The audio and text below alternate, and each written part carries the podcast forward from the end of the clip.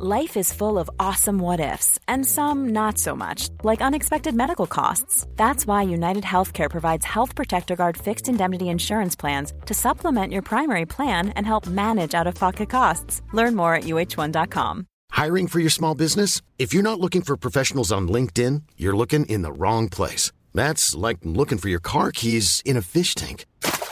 LinkedIn helps you hire professionals you can't find anywhere else, even those who aren't actively searching for a new job but might be open to the perfect role. In a given month, over 70% of LinkedIn users don't even visit other leading job sites. So start looking in the right place. With LinkedIn, you can hire professionals like a professional. Post your free job on linkedin.com slash people today. Hey, it's Danny Pellegrino from Everything Iconic. Ready to upgrade your style game without blowing your budget? Check out Quince. They've got all the good stuff, shirts and polos, activewear, and fine leather goods, all at 50 to 80% less than other high-end brands. And the best part? They're all about safe, ethical, and responsible manufacturing. Get that luxury vibe without the luxury price tag. Hit up quince.com slash upgrade for free shipping and 365-day returns on your next order. That's quince.com slash upgrade. Du presenteras nu för obekräftad information. I avsnittet får du höra om konspirationsteorier och varför vissa människor tror på dessa. Var därför kritisk till materialet som bygger på fiktion, åsikter och vinklad fakta. Podcasten kan inte ses som en trovärdig källa. Trots omfattande sökningar har Platons Atlantis aldrig hittats. Jakten på det gåtfulla riket fortsätter locka. Det sägs att sagor bär med sig spår av sanningen. Kan Platons sagolika historia berätta om en förlorad civilisation i det okända? Det här är konspirationsteorier.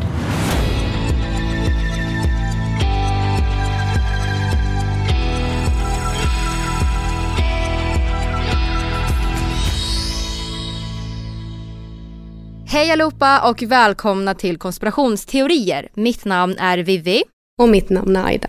Och det här är del två om Atlantis. Och i förra avsnittet så pratade vi lite om hur Atlantis såg ut, hur det var uppbyggt och lite mer historia kring platsen. Men i det här avsnittet ska vi försöka ta reda på var platsen ligger.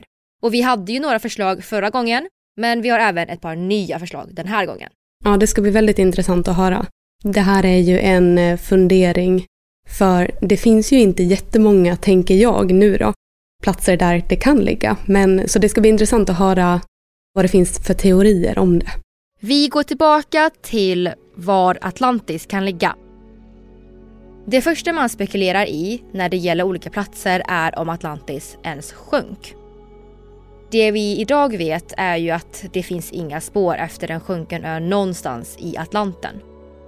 Förut när man började söka Atlantens havsbotten med ekolod så upptäcktes Mittatlantiska ryggen. En bergskedja som löper tvärs genom Island i norr och söderut genom Atlanten. Idag ligger det mesta av bergskedjan under vatten. Däremot så finns de högsta topparna ovanför ytan.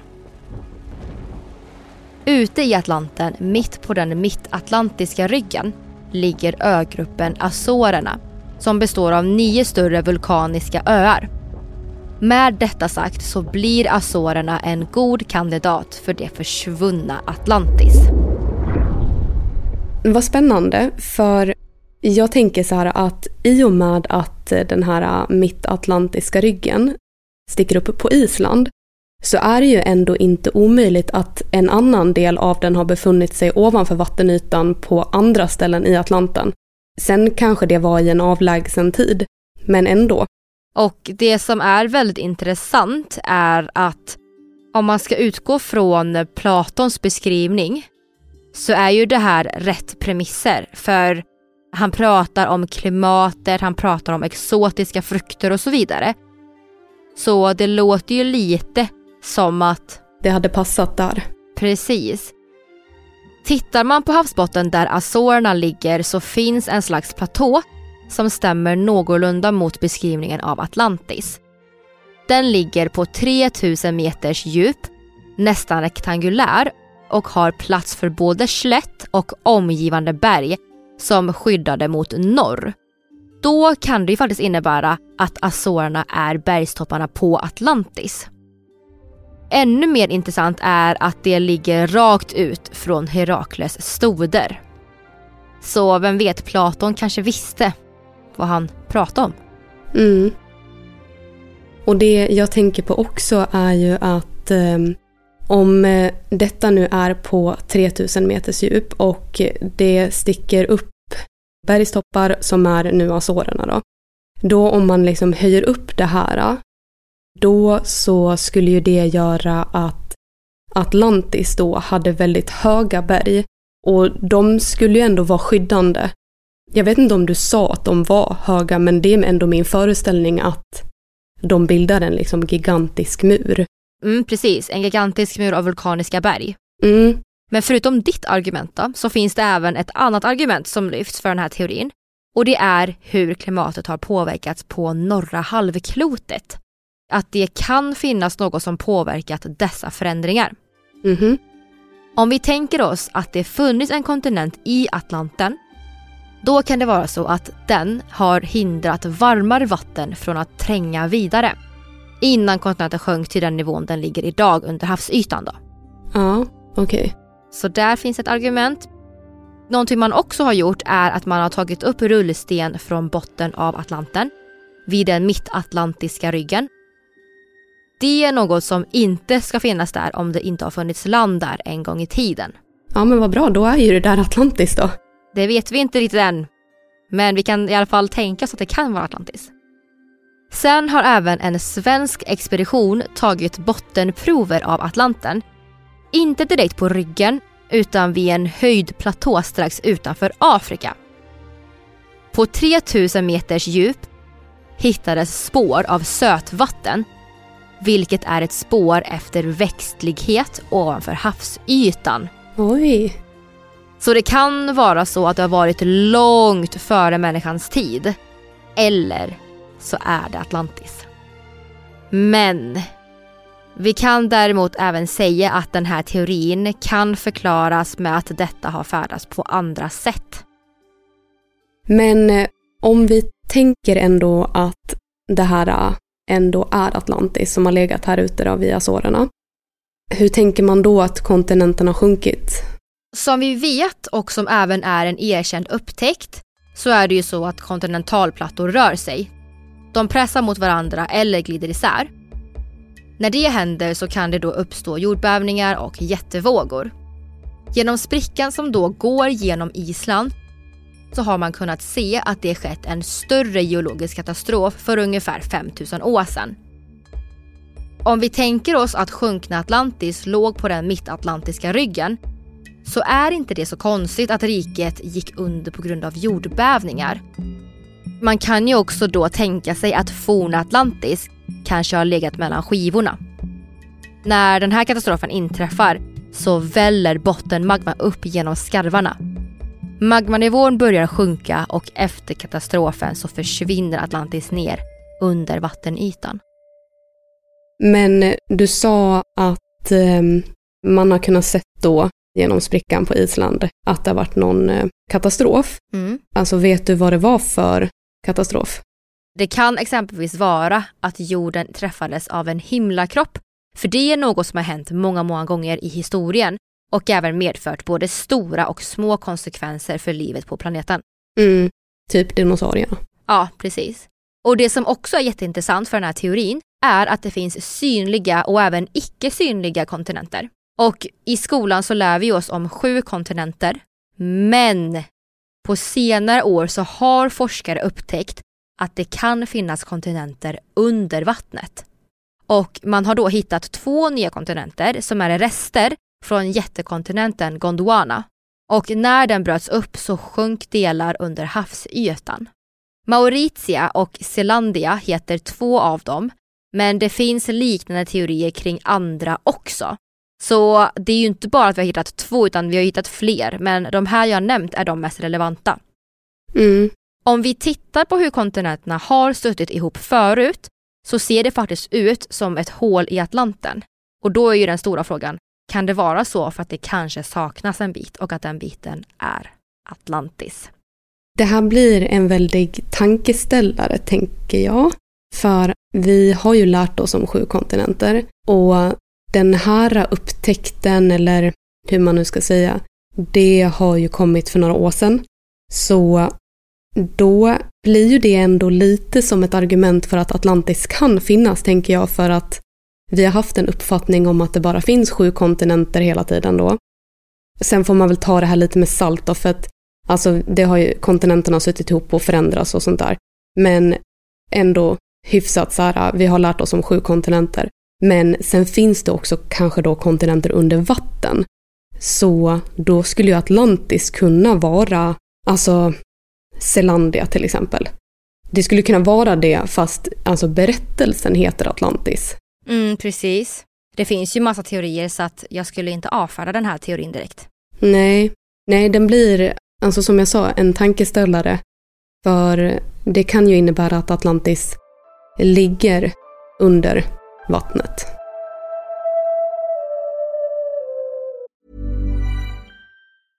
Life is full of awesome what ifs, and some not so much, like unexpected medical costs. That's why United Healthcare provides Health Protector Guard fixed indemnity insurance plans to supplement your primary plan and help manage out of pocket costs. Learn more at uh1.com. There's never been a faster or easier way to start your weight loss journey than with PlushCare. PlushCare accepts most insurance plans and gives you online access to board-certified physicians who can prescribe FDA-approved weight loss medications like Wigovi and Zepbound for those who qualify. Take charge of your health and speak with a board-certified physician about a weight loss plan that's right for you. Get started today at plushcare.com slash weight loss. That's plushcare.com slash weight loss. plushcare.com slash weight loss. Hiring for your small business? If you're not looking for professionals on LinkedIn, you're looking in the wrong place. That's like looking for your car keys in a fish tank. LinkedIn helps you hire professionals you can't find anywhere else, even those who aren't actively searching for a new job but might be open to the perfect role. In a given month, over 70% of LinkedIn users don't even visit other leading job sites. So start looking in the right place. With LinkedIn, you can hire professionals like a professional. Post your free job on linkedin.com slash people today.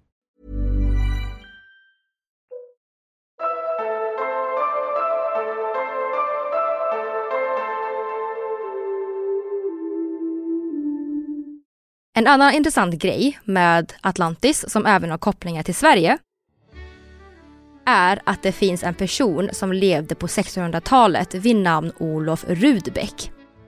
Han kallades då för Olof Rudbeck den äldre.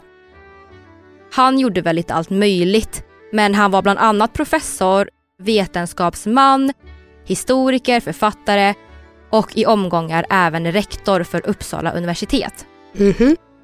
Han fick sitt stora litterära genombrott på 1600-talet med verket Atlant eller Mannheim. Men det kallas även för Atlantikan. Där menade han på riktigt att Atlantis låg i Sverige.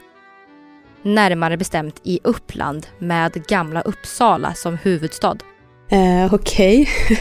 eh, väldigt märkligt, väldigt intressant. Var, varför trodde han detta? Han menade att Sverige och Atlantis var identiska på flera punkter. Från folket, kulturen, olika sägner och sagor. I det stora hela så försökte han ta fram argument för att Sverige är kulturens vagga och att det var här som allt började. Så det han försökt göra är i princip att lyfta upp Sveriges storhet. Sveriges dåvarande position som stormakt. Och då undrar ni så här, men vad är kopplingen här? Den röda tråden i dessa tankar och idéer är göticism, som i väldigt korta drag kännetecknas genom framförandet och idén om Sverige med en så ärorik forntid som möjligt. Så Rubeck är starkt förknippad med dessa idéer eftersom han placerar en grekisk filosofs sjunkna ö i Sverige. Under den här tiden så hade Sverige en slags nyvunnen stormaktsställning. Det pågick en slags fornnordisk renässans i Norden och man hade ett ganska stort intresse för vikingatiden och gamla fornnordiska sagor. Rubeck var en väldigt beläst person. Han har ju läst de antika klassikerna och en dag fått insikten att nämen, det är ju vårt avlånga land Sverige de skriver om. Så han fick ju helt enkelt en insikt tänkte det här är Sverige. Ja, och typ fått för sig då, då att Platons beskrivning av Atlantis passar in i Norden. I princip ja. Men man kan ju också tänka på att så här, han fick ju den insikten. Men sen var ju han tvungen att övertala andra människor att tro samma sak. Så då kan jag tänka mig att han lär ju ha kryddat med lite fantasi för att få ihop historien. Det han i princip har gjort är att öppna en karta och en ordbok och tittat på svenska ortnamn, runor och ord. Och han märkte då att vissa orter och ord liknade de som förekommer i den grekiska mytologin. Enligt honom så var det ju logiskt att världens språk härstammar från svenskan. Till exempel så hittade han två ortnamn, Herhals och Herhambra, i närheten av Öresund som han tyckte liknade Herakles. Mm, Okej. Okay. Och inom den grekiska mytologin så är Herakles en hjälte och son till Zeus. Men enligt Rubek så skulle Herakles då varit svensk. Och han placerade då Herakles stoder vid Öresund. Vid infarten till Östersjön. Ja, alltså jag skrattar nästan lite åt detta att eh, Herakles skulle ha varit svensk. Alltså, Jätteintressant ju. Ja, okej, okay, så att det han har gjort är i princip att läsa gamla sagor, titta på en karta och eh, få det till att vara Sverige då. då. Men eh, vad tänker han då kring att Atlantis sjönk? Jag menar, Sverige har inte sjunkit än i alla fall. Nej, Atlantis sjönk ju inte, enligt honom, för det bortförklarar han faktiskt. På något sätt så ville han väl framföra sin teori eller grundtanke att all kunskap och kultur hade sitt ursprung härifrån, alltså från Sverige. Mm. Helt enkelt att eh, det är en blandning av svensk historia, etymologi och fantasi som då resulterar i en historia som inte går ihop. Och det är bara en massa fantasifulla teorier som man idag anser vara ovetenskapliga och fria från verkligheten. Mm. Alltså, å ena sidan tycker jag att det är lite komiskt eller ironiskt, vad man nu vill säga, att det finns teorier om att Atlantis ligger i Sverige, samtidigt som det också är spännande att höra om det, trots att det är själv ingenting som jag tror på. Men sen också då det här med att man anser den här teorin som eh, fri från verkligheten och att den saknar liksom, vetenskapliga bevis. Det är ju också någonting som är för alla teorier vi tar upp i den här podden och vissa bekräftas ju, men samtidigt i detta fall, nja. Men eh, finns det några mer ställen då, då som är lite alltså närmare Medelhavet och så då? Ja, och det är att Atlantis kanske låg vid Santorini. Det finns en händelse som liknar beskrivningen och berättelsen om Atlantis som inträffade runt år 1500 innan Kristus. Det vill säga för 3600 år sedan. Det handlade om ett vulkanutbrott som ödelade den grekiska ön Tera som idag är känd som Santorini, ni vet den här semesterön som alla älskar. Vid den tiden levde den minoiska högkulturen där med centrum på Kreta. På flera sätt så stämmer Santorini överens med beskrivningen av Atlantis. Deras kultur blomstrade, de byggde vägar och var framförallt kända för imponerande och praktfulla tempel och palats. Bland annat Knossos på Kreta. Knossos var ju då som deras religiösa centrum. Mm. Förutom det så byggdes palatset runt samma tid som Egyptens pyramider.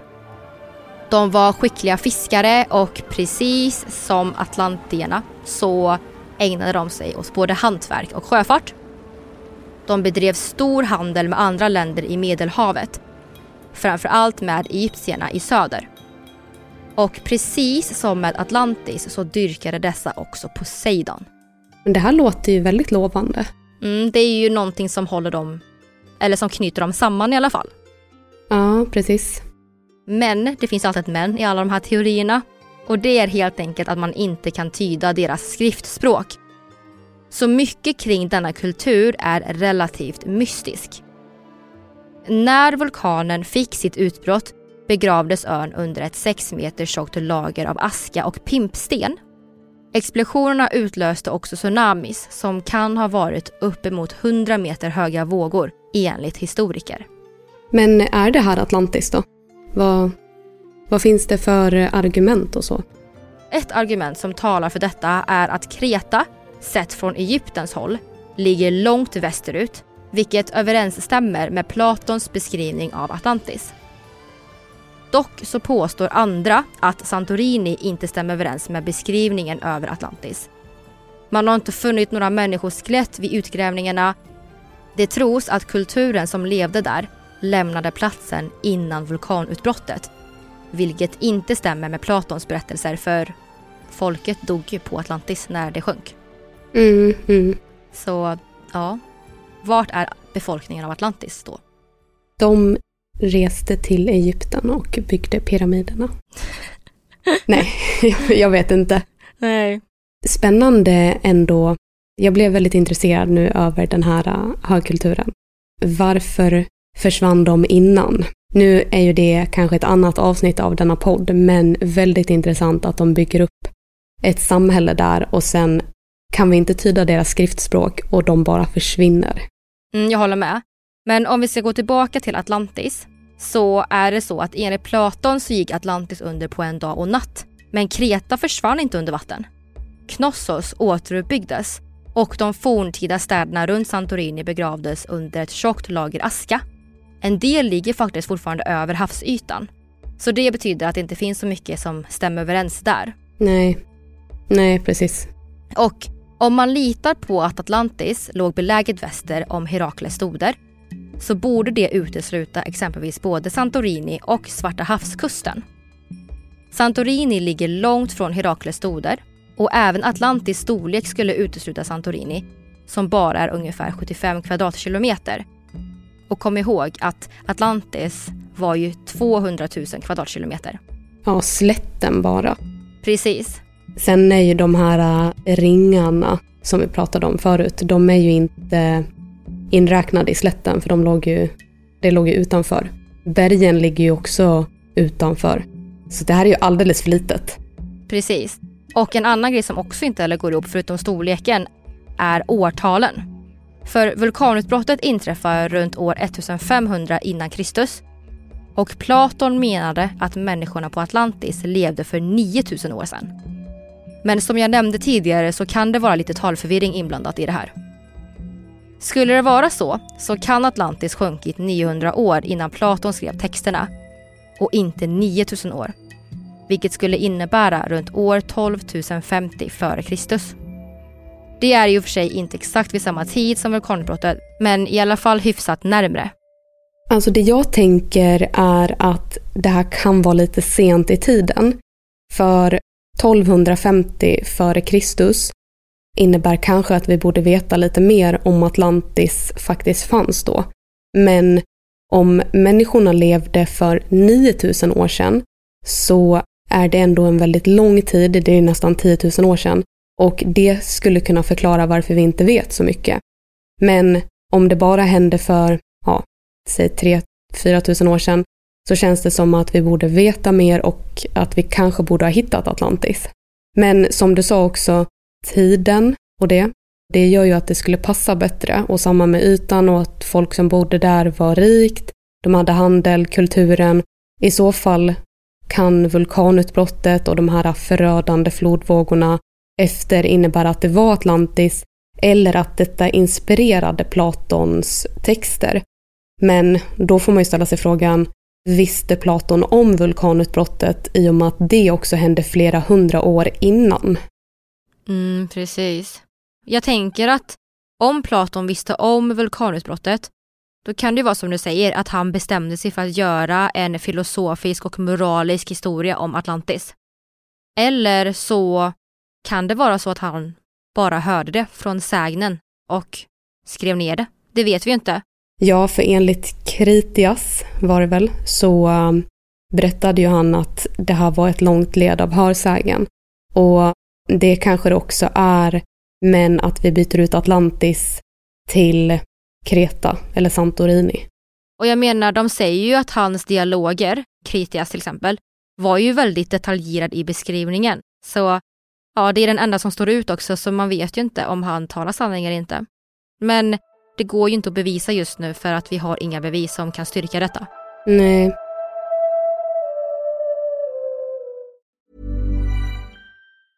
Even when we're on a budget, we still deserve nice things.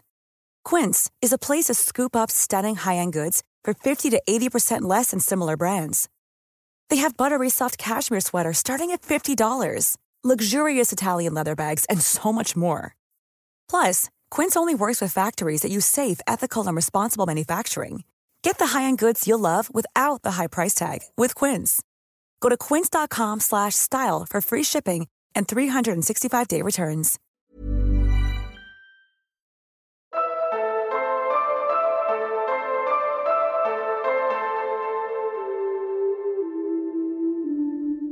Men vi går vidare till en annan teori som handlar om en annan konspirationsteori. Och det är om Bermuda-triangeln. Alltså, Ja, det har vi ju faktiskt ett avsnitt om. Om ni inte har hört det så är det vårt första avsnitt, så in och lyssna. Det är en ja, men enkel, grundläggande, kan man säga så? Den är inte så djupgående. En grundläggande genomgång av teorin. Och om det är så att ni vill ha ett mer djupgående avsnitt om Bermuda-triangeln så kan ni väl skriva till oss på Instagram eller Facebook. Så kan vi se om vi kan få in det. Mm, det känns som att eh, det är en teori för dig. Jag eh, har känslan att du älskar Bermuda-triangeln. Ja, och jag älskar Atlantis och jag älskar så här, äh, sånt som låter tankarna leva lite i fantasin. Det gillar jag. Ja. Men hur som helst. En teori är att kontinenten Atlantis låg belägen utanför Bahamas kust och därmed föll offer för Bermudatriangeln. 1968 hittades en slags stenlagd undervattensväg i havet utanför Bemini som ligger mellan Florida och Bahamas. Det är alltså fyrkantiga och platta stenplattor, vissa upp till 12 meter långa, som formar något som ser ut som en stenlagd väg. Man kan säga att det på ett sätt ser ut som en slags trottoar och därför har många tänkt att det här är vägen till Atlantis. Den här klippformationen är strax under en kilometer lång och ligger på ungefär fem meters djup, känd som Biminivägen. Och vad tråkigt att den låg på fem meters djup bara. För om man ska koppla tillbaka till animerade Atlantis-filmen så alltså du vet hur den här expeditionen bara kommer ner under ytan. Det är någon slags grotta och sen så får de ta sig genom liksom land och rike för att då komma till Atlantis. Och det här kändes verkligen så roligt att så här, ja, följer du den här Bemini-vägen så kommer du till slut dit. Du vet slutstationen nästan. Jag håller med. Det hade varit så roligt för då kan man ju öppna upp tanken att det här är vägen in till Atlantis eller här är vägen in till en plats som ingen har hittat förr. Men tyvärr så är det ju inte så. Det man kan fundera på är om någon okänd civilisation, kanske Atlantis, har gjort detta innan den senaste istiden för cirka 12 000 år sedan då. Och därefter steg vattenytan och den hamnade under vattnet. Men det är frågan om det är Atlantis. Mm, men det känns ju rimligt för så skulle det kunna vara att vattennivån steg och därför ligger det så långt under vatten. Ja, långt och långt, fem meters djup, men ja. För jag kan ju inte tänka mig att folk kunde andas under vatten förr.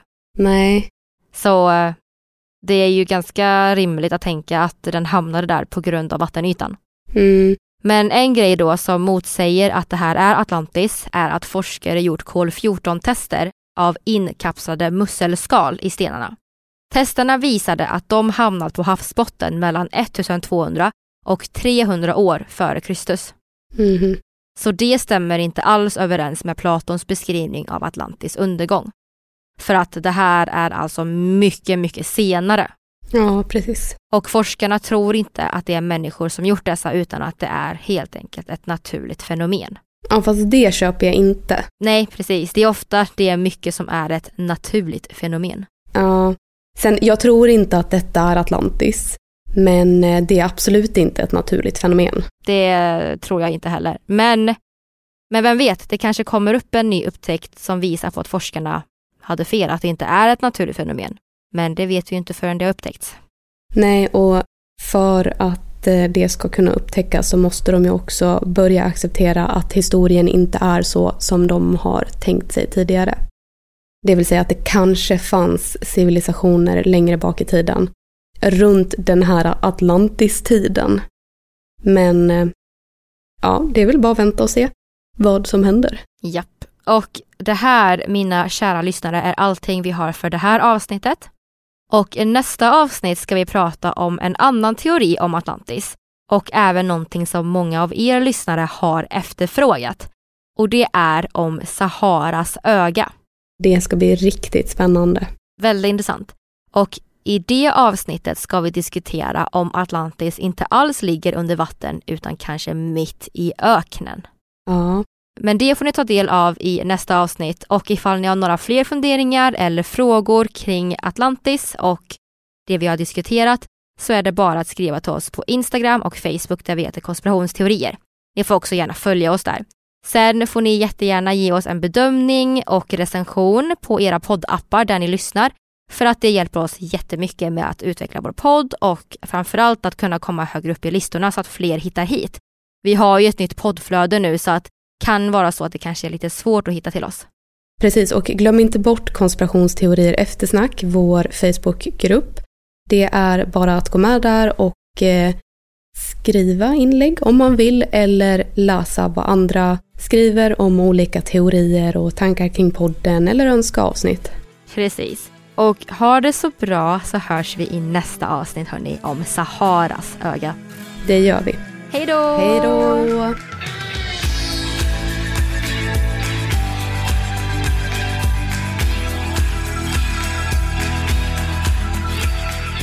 Du har lyssnat på Konspirationsteorier, en produktion av We Tell Stories. Programmet gjordes hösten 2023. Vi som har gjort programmet heter Vivian Lee och Aida Engvall. Källorna till dagens avsnitt hittar du via våra sociala medier, konspirationsteorier på Facebook och Instagram. Där kan du även lämna tips och önskemål på teorier som du vill höra i podden.